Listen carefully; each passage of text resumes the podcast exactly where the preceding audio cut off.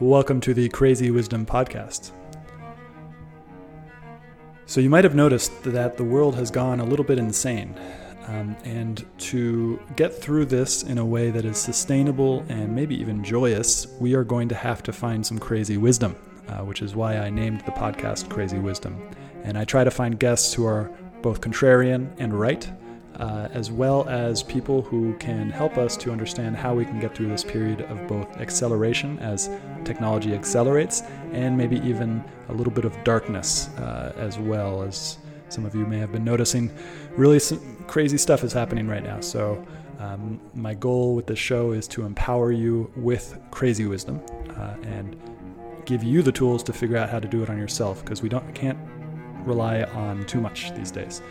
Uh, so with that being said, if you like what I'm offering with this show, I'm on Twitter at Stewart Alsop III. My DMs are open. I'd love to hear from you about how this show has affected you. Thanks. Have a great day. Welcome to the Crazy Wisdom Podcast. My guest is Sura Guerra, um, and uh, welcome to the show. And uh, uh, how, how's your day going? Thank you. Well, um, I don't know. It, it's a nice day. Yeah, and we're here in Curitiba, Brazil. Uh, we are hanging out, and I met uh, Sora from um, Bruna, my friend Bruna, on Twitter. And uh, you're starting a company, right? Yeah, it's uh, it has been it has been an interesting journey. Like I have been trying to to build this company for like during the pandemic. Basically, I started in March, uh, but more officially in, in June. And yeah, like we're we're trying to build a discovery tool for people that's starting to fundraise uh, a seed or pre-seed round. Uh, this is going to be something particularly useful for for people outside of the US.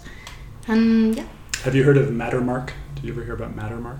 Mattermark, it like I I have definitely heard the name. I would. Uh, uh, they tried to do something similar, uh, um, and I would talk to her. I would talk to the woman who started it. Um, it'd be. I think you got you guys would have a really good oh, conversation. Thank you. It would yeah. be nice. Yeah.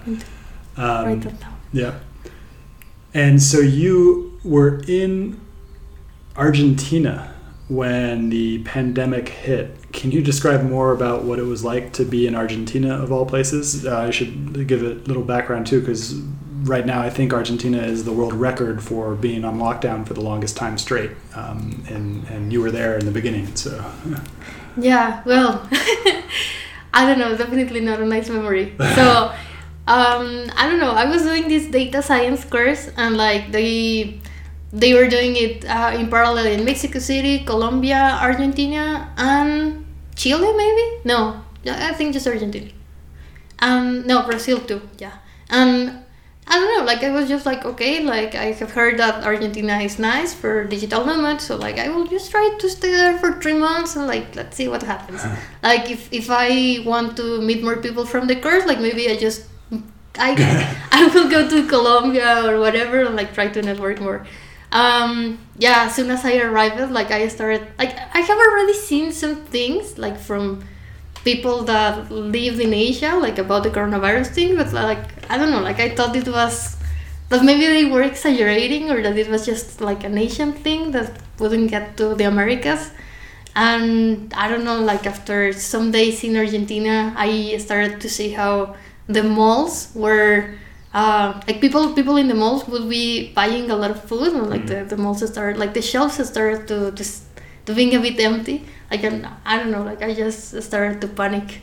And yeah like i just flew to sao paulo because and and you, you didn't you, and you're from mexico originally but you didn't decide you didn't want to go all the way back to mexico. You just thought brazil would be a better place to go. Yeah because i mean like i know some people in sao paulo and I don't know, like I also kind of had this thing at the moment about maybe not returning to Mexico, like kind of pushing myself to not mm-hmm. return to Mexico. Mm-hmm. So I was like, okay, so this coronavirus thing might be big, but like not as big as for me to return to Mexico. Like uh-huh. I, I can still hang out in South America. Was this your first time traveling outside of Mexico, or? No, no, uh, I have been outside of Mexico before. Okay, yeah, yeah, yeah. Um, so you're starting this company, and you were in Argentina, and then you came back to Brazil, and now what are you doing in Brazil? I'm just I don't know, like staying here because I like Brazil. Same reason for me. yeah, it's I don't know, like Bra- Brazil is really nice. Like I feel that it's it, it's very similar to Mexico, but not exactly to Mexico City. Like it's it's kind of more similar to Veracruz, where I am originally from. So I don't know, like I, I like it. Like in, in general, Brazilians are also very similar culturally and socially to Mexicans. Mm. So I don't know, like it's it's a nice place to be in. And you just blew my mind. You showed me a video before we started of um, a hackathon. You used to organize hackathons in Mexico City, and you sh- at the end of the hackathon, not only was there a prize, but there was also dancing. And like all of a sudden, my my it was like it's like when you're doing something for a really long time and you don't know why you're doing it, and then you finally figure out it all comes to clear. Uh, because I love dancing and I love technology, and the fact that it already exists in Mexico, where there's startup hackathons and also dancing. Can you talk more about that? Yeah, sure. Well, I don't know. Like I, I was very lucky to to meet the startup weekend community in Mexico. Like they are they are all like super nice guys, and I don't know. Like it it, it all started with me having a community around my video games. Like we, we like I I would be like this girl that saw like this. Um, I don't know game jam thing and like would gather people to just create a video game like just out of fun. Like I was just starting to code, but like I, I really like video games, so I don't know. Like I, I started doing that, and at some point, like I I started to meet people that organize startup weekends, and like not like startup weekends were more for business students and not exactly for coders. So like we would start like to involve our community, which was mostly of programmers, with the startup weekend community. For example, like they would give us free tickets, and like sometimes we would get buses to go to other cities like around Mexico. It, it was very fun. Like it was like a mini holiday to be with your productive friends. Mm. So yeah, and uh, after one of these events, it was for example in Mexico because we are a bit crazy and we really like the party. These guys who are friends, the, the organizers, like they organized a mega startup weekend with like 200 people or 300 people, like it, three or four simultaneous startup weekends and there was a huge party in the end. And I don't know, like I, I, was just going to return to Mexico City in my bus, but someone gave me a beer and told me, "Hey, we're having a party. You should stay. Like it seemed to be a good party." And I was just like, "Dang, I don't know what to do." Like I was just like, "Okay, like I will just like be here and whatever." And they were dancing salsa, and I was just like, yeah, like why not? Like I, I mean, like I'm from Veracruz, like I know how to dance. So, so yeah, I just stayed there and I really liked it. I really liked the vibe, and I, I don't know, like from there I started to get involved more. Um, previously, I have been a, a mentor in one startup weekend, and I really loved the experience because it wasn't. I mean, it was competitive, yeah, but it was competitive in a healthy way. Like it was more, the experience was more about learning. The organizers were also very good at communicating this, so I don't know. Like in general, I loved it. Mm. Interesting. And we were talking a little bit earlier about the kind of unique parts about the startup ecosystem in San Francisco, Mexico City, and in Brazil. Um, what have and you've you've you've worked at a lot of different startups and particularly ones in Latin America that have, that are pretty well known. Um, kind of what's your biggest insight into what might happen in the startup world in Mexico or Brazil over the next couple of years? Wow, that's a very serious question, and I definitely like I don't know, like probably probably I don't have an interesting answer to that, but like I I will share what I think. Um, Latin America, I, I feel for example like one one big problem that you have as an entrepreneur and, and even like as a maker in, in Latin America is that there's no way to receive payments from outside. Like there's literally no way because we, we, we cannot use Stripe. I don't know if you know that. I didn't know that. No. Yeah, like there's like uh, I don't know, like only if you're a citizen from the States or Canada or like the other five or eight privileged countries in, Like Europe, in Europe. Europe, uh, Yeah, you, you can accept payments. Otherwise, Whoa. like uh, yeah, it's it's fucked up. And I mean, like in Mexico and Brazil, like it's a bit better because we have some local payment gateways. But like the rest of Latin America is doomed.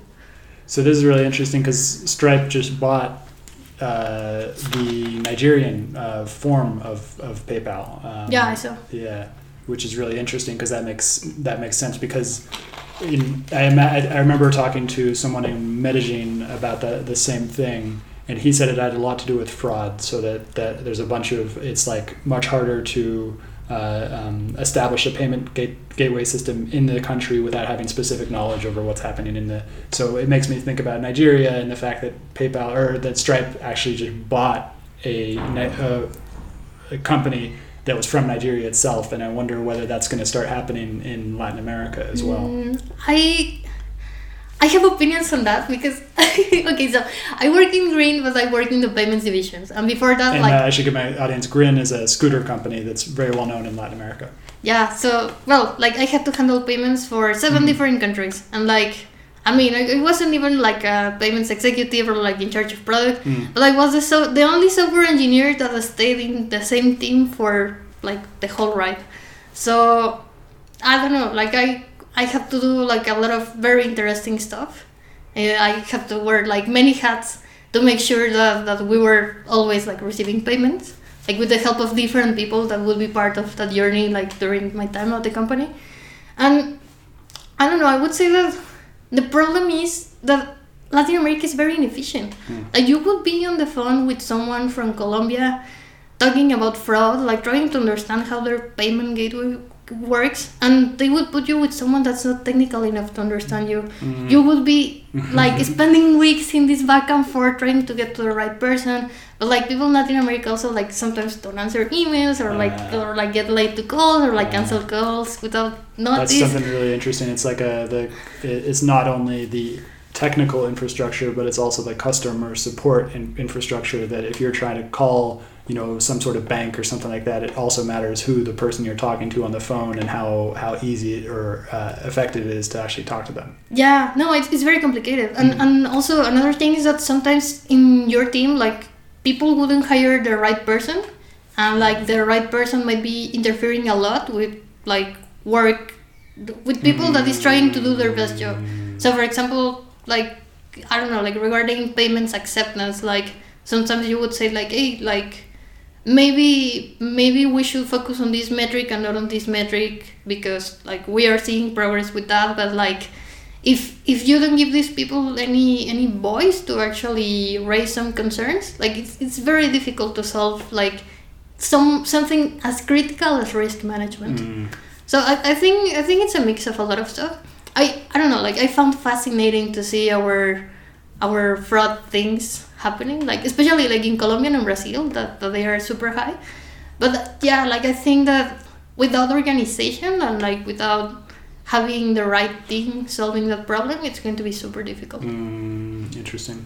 And so that's what, and I remember from I was doing a lot of these interviews with entrepreneurs from from Colombia and from Mexico a year ago now, uh, and one of the most interesting things I found was that the biggest um, roadblocks, or the no, the biggest opportunities in Latin America are payments, education, online education, probably healthcare, and there are a few other ones as well. Is that still accurate a year later?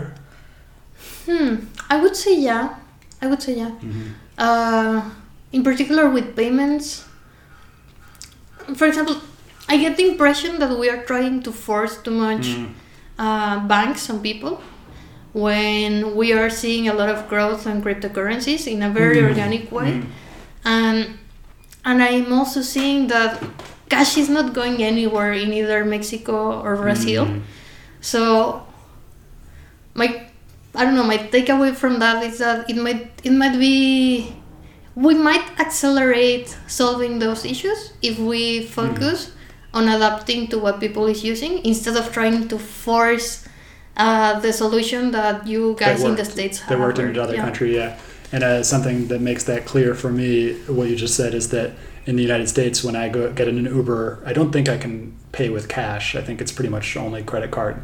But every time I go to Mexico, and I think it's also I know I've paid here in, in cash as well. Uh, you, you have the option to pay in cash, and it's the same thing with deliveries and other stuff like that as well.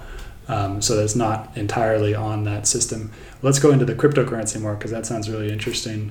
Um, I know I interviewed a guy named Simon Chamorro, uh, who, who's from Venezuela and was working in Bogota and was building a company that was allowing payments uh, through a vehicle, of Bitcoin. Um, what do you see? You said you said it's organic adoption that's happening here. Can you talk more about the organic adoption? Yeah, sure. Well, um, so most people uh, from I don't know, like from rural Mexico, uh, live live by receiving payments from family abroad. Mm. You know, like it, like they either you would use like something like MoneyGram or like Xoom to to I don't know, like the thing is like Me- Mexico Mexico in particular like is a very unique old country so for example you have you have this Condesa Roma Polanco bubble and you have like the rest of Mexico Mm. and even Mexico City has a lot of privilege like considering how rural Mexico is but like rural Mexico is like 95% of Mexico so Mhm. so yeah, the thing is like you have this this need to move money from point A to point B, like from different countries, and like sometimes it's easier for people to just use crypto because that's Mhm. that's what's at hand. That's that's that's the thing that doesn't require you to do paperwork, and Or take twenty percent, like like uh, like uh, yeah, the uh, commissions. Western Union. the yeah. commissions are, are crazy. So Yeah. so yeah, like for example, like I I wouldn't say that it's like people are not using Bitcoin like to to save on Bitcoin Yeah. or like Ethereum even because of the commissions. Like that actually I would say that Bitcoin and Ethereum are for people that can afford to Mm. lose that huge percentage of money. But like pe- people are I don't know using Nano, using Dai, like Mm. using using these coins that, that have very low commissions or no commissions at all. Uh, so people are using DAI in order to transfer money in Mexico. I have seen so yeah. Oh. Like for example, like I have a lot of friends that are not from the startup bubble, Yeah. and I don't know. I listen to them, for example, about how they might have this job that pays like I don't know, let's say two hundred dollars per month. Hmm. Uh, but they would be making some extra money by receiving Dai or Nano on Twitch. Mm. Oh, interesting. On on Twitch, interesting. Mm-hmm. Uh, so it's like a side hustle. Um, yeah, something interesting that I've been I've figured out recently. I hired somebody in Nigeria to help me with the podcast, to help um, uh, help me kind of create content around the podcast. And paying him with PayPal was getting really complicated because PayPal would take a bunch of money, they would close down his account, they would do all these horrible, was like stupid things. Um, and then I found out that there was an actually service that where I can send Bitcoin to a service in Nigeria, and then they'll pay they'll pay him to his direct bank, bank transfer, paying the same amount of money that I sent them in Bitcoin, which is so interesting because it's not like I'm sending him Bitcoin and then he's figuring out how to do it. It's just I'm sending this service Bitcoin and they're giving him money, which is like and it's actually cheaper than PayPal, which is really interesting. Um, Yeah. yeah. Yeah, yeah, I, I would say that the future is there. Like, there, there's this startup Celo, which is trying to do something like that. There's also Airtm. Mhm. Like, yeah, I, I think I think that's that's where the innovation will come from, and Mhm. probably they are going to take the market. Mm. Um, I don't know. Regarding what you mentioned, uh, I just remember that, for example, here in Brazil, I had to pay a boleto bancario. Mm. I don't know if you have No, encountered those. no. Well, it's basically like, let, let's just say for simplicity that it's like a QR. Mm. like it's, it's this QR that represents an amount of money that you need to pay to someone. Like Mm. it's it's a request for a payment that an individual can Uh, can emit uh-huh. and in this request for payment like you can pay it like either in full or Uh-huh. like you can just like add some money to it until you pay it in full So to make it clear, so if I wanted, if, if you say um, I did some work for you and I wanted to be reimbursed, I would give you a QR code. yeah Okay, uh, boleto yeah. bancario but it's Uh-huh. not even it's not a thing that you generate in an app like it's it's a system provided by, the- by the brazilian central bank Mm, and whoa. different providers like help you generate these boletos bancarios How inter- is it all digital? yeah it's, it's all digital Okay, so it's like, so it's a it's something coming from the it's uh, it's coming coming from the central bank of Brazil in order to show that there's some sort of accounting that needs to be done or something. Yeah, exactly. It's accounting for cash, basically. Uh-huh. And you can either, for example, if you're young and have a smartphone, like you Mhm. can pay it with your smartphone. Mm. But like if I don't know, like for for the rest of, of Brazil, like you go to a loterica, which is Mm. kind of I don't know how Uh, a which would convenience be store. Or, yeah, like yeah. a convenience store, and Yeah. like you go pay it with cash. So it's, Interesting. it's a solution that works for everyone in the country. And yeah, like there are services where you can pay boletos with Bitcoin. I have Uh-huh. been using that to transfer money here in Brazil. Interesting. I just realized that I'm getting pretty screwed over on the exchange rate when I take out money from the ATMs, uh, which is really interesting. Um, and I wonder if I could. Is there if uh, if I want to use my Bitcoin to transfer Bitcoin into Brazilian reais, is there a way for me to do that right now? Uh, Like here in Curitiba, like have you ever done it before, where you just go to somewhere and like give them Bitcoin and they give you cash? no, we don't have that. In Mexico, yeah, in Mexico, In Mexico, there's something like that. there's a there's a Bitcoin ATM Oh, in a restaurant called Bitcoin Embassy. Actually, I can't believe I haven't been there. Where is that? In Huh? Roma? In Or- yeah, it's in Roma. Okay. It's in Roma. Uh, I actually, and the owners are amazing. Like they, they are very nice people. Huh. Um, yeah, no, there's nothing like that in Brazil. You would need Brazilians, like someone, someone Who that has Bitcoin Yeah, has, yeah, yeah. has Brazilian reais. It's so interesting because there's so many little things in finance. Like I used to find finance so boring, but now I'm like, there's all these little things like this boleto bancario where it's like, yeah, where you just create this like thing, and I bet the, I bet there's going to be a lot more. And there's so many use cases. Like it's, it's just such a huge place for creativity and stuff like that. I agree. Yeah. No, it's it's crazy. Like it's it's fucked up. Like for example, in Latin America, like thinking about how I don't know, like you you take a, a, an airplane and like after one hour you're in Argentina now, and like if you take another one you're in Chile. Like it doesn't make sense for us to have different currencies. Mm-hmm. Like it would be amazing to just have like one thing, kind of like a neural thing. And that and that kind of goes into what we were talking about before we started recording, because we were talking about m- the Mexican startup ecosystem, the Brazilian startup ecosystem, the San Francisco one, and then I, I mentioned a theory that I have, which is that most of the contrarians who would have created the next billion dollar companies in San Francisco have now probably left San Francisco, and they, most of them probably did it about a few years ago, but now with the pandemic, it's like all of them probably left. And so I don't think it's going to be grounded in, of course, there'll continue to be a lot of innovation in San Francisco, but I think the really kind of stunning trans- transitions will happen outside among this kind of amorphous global network that already exists that's now basically, instead of being directly in the same physical location, is now a geographical. Um, and it seems like crypto could, there's going to be something in terms of crypto, in terms of creating, like, my big question is, you know, we've had these things called nation states for the last like 300 years, basically, Yeah. where a nation state kind of, you know, is very centralized and takes care of everything that the civilization needs, that the civilians need. And now it seems like that whole thing might be breaking down. Um, and in some ways, in some ways, it's not. Uh, and so my main question is like, in what ways will it break down for finance? In what ways will our next currency be decentralized, or will it be centralized among a different world power? Maybe, for example, China. Um, yeah, what do you think of all that? Okay, big question. yeah, a lot to process. Well, I think it's already happening. Like you're seeing it with digital nomads. Like for example, like you and I, like we are we in Brazil, like because we can, like because, because we can, and because like we're bored. I don't know, like we, we just don't like didn't like to take the traditional path of like just you know like settling in a city and like the city is like your whole universe and whatever. So there's this trend like in for young people. For for young people with the means to travel, like of course, like to, to do this. Like because yeah, and and with that like I think it comes uh there it's very natural to to use cryptocurrencies for that, I think. Mhm.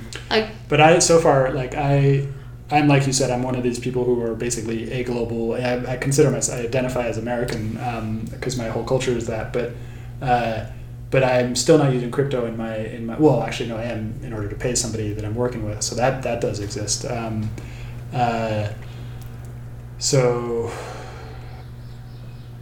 Yeah, so that's so, and we're like the first generation of that happening. But it's so funny because the pandemic basically stopped that. And as you were talking about it, I realized like most of my friends who were digital nomads are now continue to be digital nomads, even though for the last seven months everybody's like, it's over. You know, we're in a new normal. This is the way it is right now. And then all of a sudden it's like, oh, it's not. It's not that new normal. Uh, but we've just spent the last seven months in some sort of strange, like bizarro land where everybody who used to be able to in this digital nomad land, land just stopped basically, totally. yeah. Yeah. Yeah, it's it's kind of crazy because for example, I have been having conversation with people, and it's like I'm going to Portugal, or like I'm going to Tulum. It's Yeah, like yeah, yeah, those people are is, people is traveling. Yeah. Yeah. And and for example, I would say that the hipster thing to do as a digital nomad is to be in Brazil right Yeah. now. it's like amazing beaches, but no one knows. Yeah, yeah, yeah. Oh man, it is crazy. I'm, I'm kind of proud of myself for figuring out that Brazil is like. Yeah, no, me too. it was so funny because I was I was in yeah I was in California and then once I realized that dancing just wasn't going to happen and that I couldn't organize it everybody was too scared I was just like okay Brazil's open. I guess I guess I'm going to Brazil. Uh, and it's just like each step of the way everybody's been like no no don't go to Brazil. It's horrible there. Because the you know Brazil is the, like the United States was one of the two countries where the pandemic was worse but what most people don't get is that is that a pandemic goes through the population uh, particularly if we don't try to stop it um, and, or if you can't stop it uh, and so Brazil is like there's w- way fewer cases. Way it's like Yeah. not actually that bad here right now. Um, and it's nobody's here. It's really easy to get Airbnbs. It's really easy to go on the beach and hang out on the beach, and just it's like a lovely, lovely place. Where it's just I like- agree. Yeah, Yeah, I agree. I, I don't know. I don't know why Brazil is not so popular. Mm. Like I would say, like I would attribute that to to Mexico's marketing game because we're very good like at marketing our country as like the capital of Latin America. Uh, But now Brazil is amazing. like, yeah, if you know Latin America, Brazil.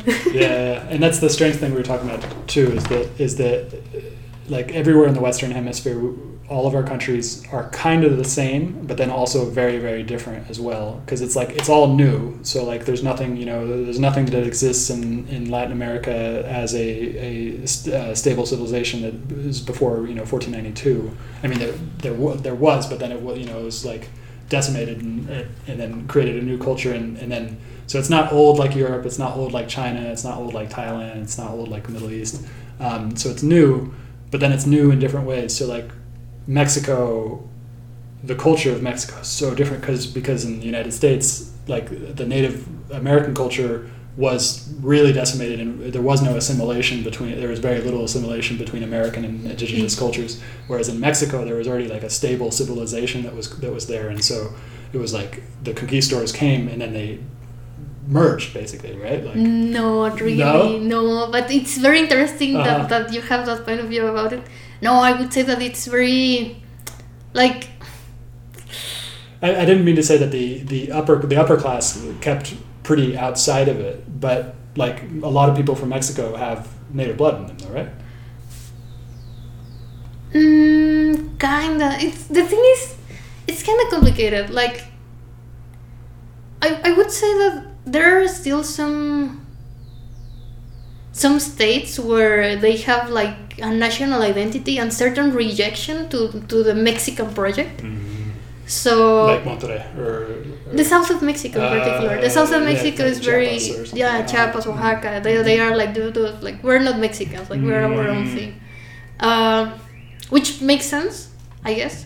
Uh, I don't know, like it's it's a it's a tricky topic because I would say that even even if there's certain assimilation, there's also a lot of nuances around I don't know, like the origin of your family or Mhm, whatever. mhm. So, so actually, for, for example, a weird thing is that there there has been a lot of um, hi, which was the name for that? Endogamy. So it, it's like okay, so if you were from Spanish families, like you would keep marrying like in Spanish Uh-huh, yeah, yeah, families, and uh-huh. like if you were from Italian families, you would keep marrying Span- Italian families, and so I don't know, like in that sense, it's not. I guess what I was trying to say is that in America that didn't happen at all. Like it, there was no like it, it, it was essentially a genocide. There was no the the, the Native American population doesn't it, it like unless there's there are there were basically shoved into reservations and then those reservations basically kept that culture but most of them died from from Mm. from uh, but in Mexico there like if you go to Oaxaca there are a lot of people who are Ah, okay, I see. uh, well, no, in that sense, yeah, it's, Uh-huh. it's very different. It's And- very different. Yeah, and then Brazil, Brazil has that as well, but then it also has parts like we're in the part we're in right now, which is like the southern part of Brazil, where it was also heavily influenced by immigration patterns from Europe, in the same way that America was, in the same way that the U.S. was uh, heavily influenced by later immigration patterns as well. Mm, I see. Yeah. Yeah. Yeah, no, I, I get your And point. Mexico had a little bit of that too, but it didn't have like a it didn't have enough of it to really change those characteristics. Would you say? Mm, Because I know there I know there are like German there are like German enclaves in Mexico as well. yeah, But they but it wasn't like where in Brazil where it's like like this city Curitiba that we're in was like heavily influenced by yeah. th- Italian This this city is like a German town. yeah yeah yeah like German Japanese town. yeah Ah, It's it's crazy. Like you you have certain settlements, but I guess it's different. Like you don't have any big city like Curitiba, Mm. which is like foreigner, like very foreigner. Like for example, my town, like my town Tecolutla and my town Gutierrez Zamora. It's like Gutierrez Zamora is like a very Italian town. Like Mhm. actually, like most of the well-known families are actually Italian. And Mm. like it's, for example, there are a lot of things that were like you would could easily buy there that now I'm discovering are Italian in fact and and yeah like there's there's that like you have small settlements here and there like with these weird stories about like okay so we are like mostly chinese or like japanese or like whatever but yeah like you you don't have any any big community like actually creating a big one like here Mm, Interesting. Yeah, and so that happened in Brazil and the United States. Didn't happen as much as Mexico. But then you go to all these places, and like I would say that Brazil feels more like the United States than going to France or going to Nigeria or going to. like, yeah i agree uh, i agree i get the same impression Yeah. like and and still i would say that it's because of this like american culture but like the americas culture yeah. that we shared, you yeah, know? Yeah, yeah. Well, this kind of new frontier or something like that. yeah like new, let's say let's call it new world culture New world. Yeah, there you go. Yeah, yeah. New world culture yeah, that we have a lot of things in common and we were talking also about how mexican mexicans and americans are very similar Uh-huh, and yeah. how even like Mexicans are not Mexicans and I would say like even Central Americans are not as as similar to the rest of Latin America Mhm, as we mhm. are to, to people in the states. Interesting. Cool. So you're starting a company. Uh, how how is that going? What's the biggest thing you've learned so far? The biggest thing I have learned so far. That's an interesting question. Well, um, the biggest thing I have learned is that the startups are an asset class. And I don't know, like that, that kind of summarizes everything. It's like startups startups are an asset class. Uh, Startups Yeah, are an asset yeah. class. Startups are businesses that are that become an asset class, and they need to be and to behave as a business, Mm. but like they primarily primarily serve to the to to them being an asset class. Yeah, that's really interesting point. Um, and it it made it was made very clear by the pandemic, where basically uh, most of the stocks went down, but then tech all of a sudden just like has become one of the only safe, or not like it's not really safe either, but it's just only, the only investment that you can make that has a high potential for return.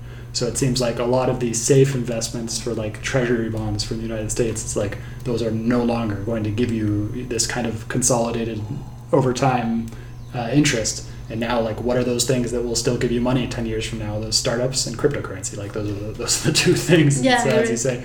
And I think it's. I, I was reading somebody wrote. I think it was Leo Polovets on Twitter talked about how there's a, been a massive switch from raising money before the pandemic and now raising money in the pandemic and now it's much more founder friendly because because everybody recognizes that startups are the like as an asset class basically Mm, Yeah. yeah. yeah, because because I mean, uh, talking even from a purely like theoretical perspective, Mhm. like I don't know, like a startup is a thing that's trying to create something new. Like you're creating Mm. something new of value instead of, for example, because there are certain assets that are trying to, I don't know, uh, do arbitrage and like that's how Mm. that's how you get uh, returns from them or like they are betting against something happening or not happening but like in the startups it's like yeah like you are creating value mm, hmm interesting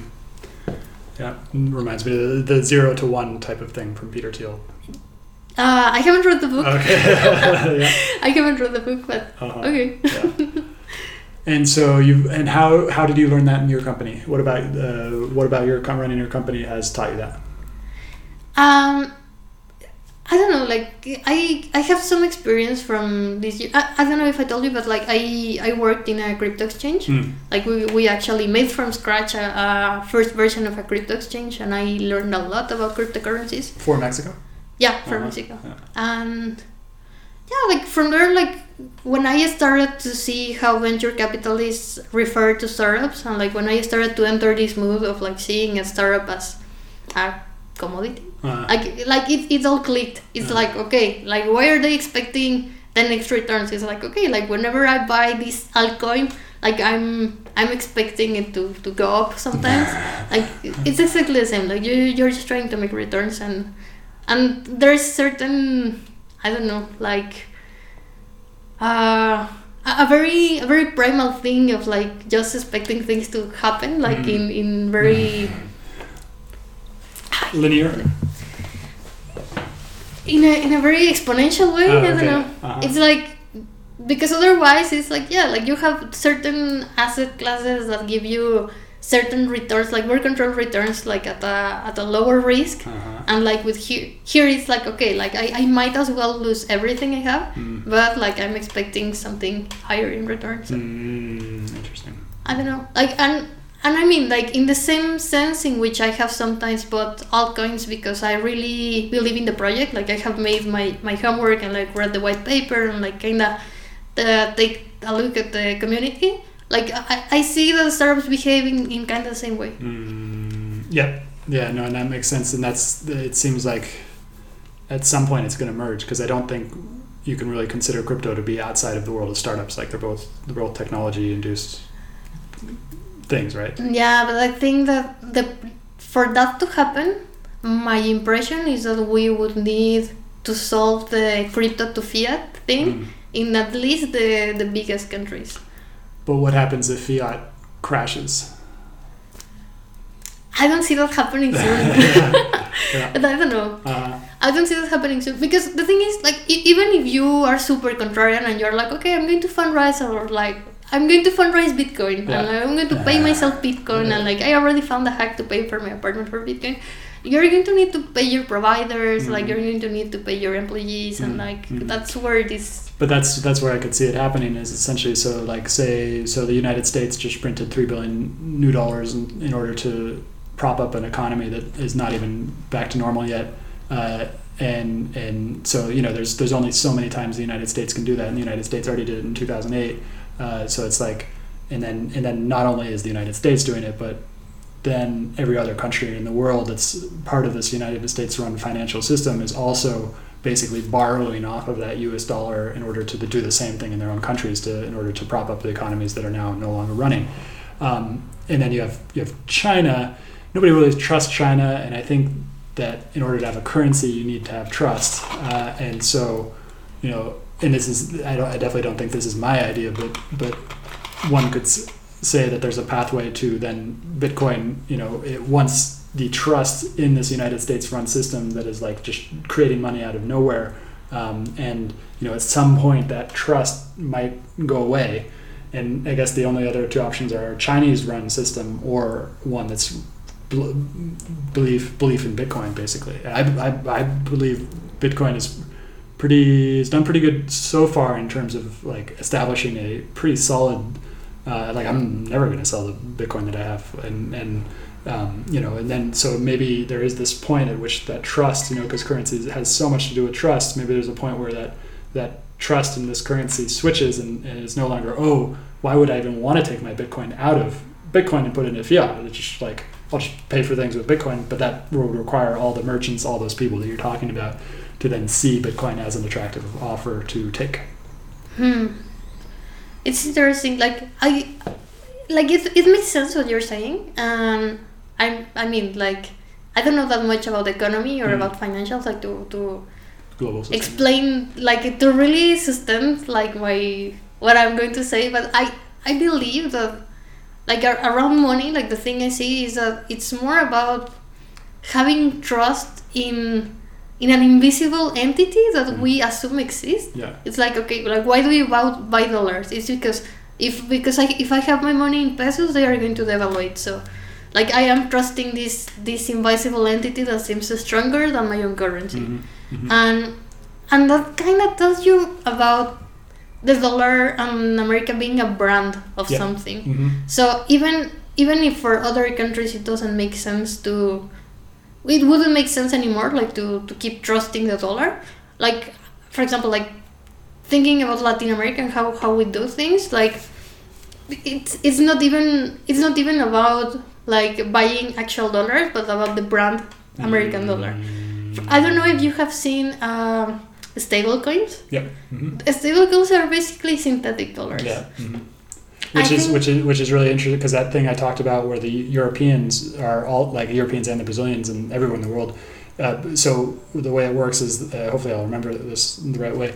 The you have the central bank, uh, central U.S. bank, injecting a bunch of money into the economy, into the U.S. economy, and then they also create a bunch of dollars that are basically in Europe. The central bank will then buy these denominated dollars that are like I think it's just it's it's not really like they're actual physical dollars. It's just like the you the central government has like said now there are this many dollars because we don't have it backed to something like a gold standard.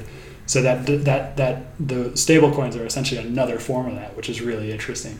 It's like Yeah. another shadow dollar. exactly so but again like even even in, if in the short term it solves a thing for a lot of people Mm. uh, Mm. Like yeah we're just replicating what we used to do with the gold standard Mm. but now with the dollar because now the dollar and yeah, and, and it's because the, the the ideology behind Bitcoin is that it's going to smash the the nation state, um, and that it's like this libertarian dream that it's going to be somehow outside of this whole nation state thing of China and the United States. It's going to be another option, but maybe that's wrong, and maybe the governments capture it in some way and then create a new form of a nation state that looks kind of like the nation state that came before, but is a new form, basically. i don't know like for example because I, I wouldn't say that it's it's about the government but more about the establishment Uh, It's it's Uh, just like for the, the thing I see with Bitcoin is that Bitcoin is very compatible with establishment, mm. but it introduces new dynamics to the game. well, well, what is the difference between the establishment and the government? Uh, that the government serves the establishment, and the government is part of the establishment. Uh, okay, so the establishment is this larger entity, and as we've been talking about, the establishment is kind of becoming globalized uh, in a way that's really weird. I would say that it has like my impression is that it has always been a global thing. You're right, because it's the, the, the like the kings of Europe. We're we're all Exactly, yeah, like it's kind of like that. Yeah. Like and, and global leaders have always been like since the beginning of time communicating and like having their in uh. real life meetings. So but I'm not I'm not saying like that anything shady is happening. Like Yeah. just you know like That's the way it goes. Yeah. Th- th- I mean like we're Who else is uh, gonna do it? we are one planet. Yeah, Like yeah, we yeah. need to have so certain organizations because we share borders. Like we share interests. Like we should we share trade routes. Makes a lot of sense. But for example, like a thing that really that was very profound for me was what happened recently with the Uniswap token. Mm, I don't know about it. What happened? Okay, so in the Ethereum community, like they, they have this this decentralized exchange, Mm. uh, and I don't know, like suddenly they decided to give a certain amount of tokens to every user. Hmm. But I don't know, like there's a pandemic, like there's a lot of Hmm. people who's not from very privileged countries that, that is like very heavy into the crypto community. So even if your government couldn't or didn't want to give you any money to survive this pandemic without Hmm. a job, Whoa. like the crypto world was like, hey dude, like have this money, like help I had yourself. No idea that that happened. Yeah, that Whoa. happened, and and for for me, I mean, like that that sets the pace for how I see the world Mm. uh, evolving into. Like I I think I think the world will become more like this thing in which decentralizes the stuff. Decentralizes the stuff actually creates a central thing that's like more fair for everyone. Mm, interesting. So, somewhat like an open source take on global institutions. An open source taken. Yeah, Because the Uniswap Uniswap thing, it's you know the, like Ethereum, I believe is a, it's an open source you know community where people are creating the, the, the code together, and and they just did something which other governments don't do. But that's could be a symbol of our new nation, the new way that nation states work, uh, or the global order. yeah like in some sense the, the thing is like you I mean, I can I can think of one or two corporations that have the global impact that certain cryptocurrencies have, and, and it would be maybe like Coca Cola or like Procter, Procter and Gamble. It's like what's what's one thing that everyone in the world can have access to? It's like Coca Cola and crypto. That's a and that's a good uh, that's a good nuance to what I was saying because it's not just nation states now; it's also nation states plus corporations. And corporations often have as much, if not more, power than nation states. For example, Amazon, Coca Cola, Procter and. Gamble. Yeah. Mhm. Yeah, yeah, yeah. I agree. Yeah, and well, yeah. Like I, I, I think, I think there's something interesting that, that will happen there. Like for example, I don't know. I have been working as a programmer in the past years, and it's like okay, like I, I usually have a salary and like work like. I don't know, like I get paid monthly, like to do stuff. I have certain legal legal obligations attached to a nation, like. But I don't know, like it would be interesting to explore something in which people can get paid like for example like imagine like a Rappi courier Mm. but it's not a Rappi courier it's someone who contributed to close a ticket in a repository like and, and i suppose this thing is already happening but like i i see that that might be Well, I mean, Ethereum. We go back to the history of Ethereum, and that kind of happened with Ethereum because you know a bunch of people were working on this thing totally idealistically in the beginning, and then all of a sudden the value of this thing that they'd had for a long time just goes through the roof, and they're all extremely rich. Um, in that core community of people who were like probably weren't thinking that they were going to become millionaires out of this thing, put their work into it for this idealistic reason, and then also get reimbursed in this way that's life changing. yeah. Yeah that, that's also very interesting. And, and I, I would say that that's that's also what makes this whole um, giveaway of uniswap tokens more Uh, uh, symbolic. It's like th- because basically it's it's as if they have done an ipo and like given shares mm. to their users yep. Yep. Interesting. like companies don't do that companies don't do that maybe because they they can't Mm. like even even if someone would have, would have wanted to do that like how are you going to distribute Mm. legally these tokens how are you going to distribute them in a way people can actually take money out of them Mm. like you can do that now with that's, crypto That's happening with crypto. Interesting. Well, this has been fascinating. Uh, how can people find out more about you and find out more about what you're working on? uh okay so i'm i'm on twitter like you can search me as Zuragara with a c How do you spell Ah, V U R A. Guerra, I don't know, like war, but Uh, in Spanish. So Z U R A G U E R R A. Yeah, thank you. and um, I don't know, like I have a tiny blog like apollune.com, like A P O L L U N E dot com. Cool. Thank you so much. Yeah. Thank you. Hope you enjoyed this episode. I'll be publishing episodes every Monday, Wednesday, and Friday in the morning. If you did enjoy this episode, please find us on iTunes, Spotify, Stitcher, many of the major podcasting platforms, and go ahead and give us a review. And also subscribe. And as always, I'm on Twitter at Stewart Alsop III. Come join the conversation as we aim towards the truth. And the funny thing about truth is that you can't really put it into words because every time you put the truth into words, create a linear narrative out of something that is non-linear. The truth is non-linear. It's not.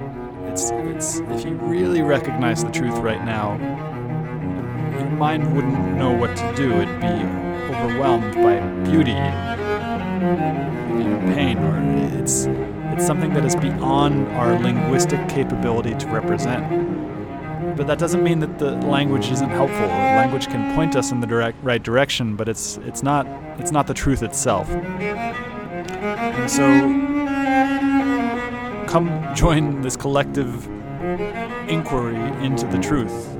Find me on Twitter at Stewart Alsop III. Uh, subscribe to the podcast. Share the podcast with your friends. Uh, most people don't have the ability to let go of this linguistic understanding of the way that the world works and just aim for the truth regardless of what the language tells us. Uh, and so I think what I'm doing with this this show is is necessary for us because as we enter this stage of uncertainty uh, and we are most definitely entering an age of uncertainty And as we do, it's really, really important that we stop paying attention to what the mind is telling us all the time.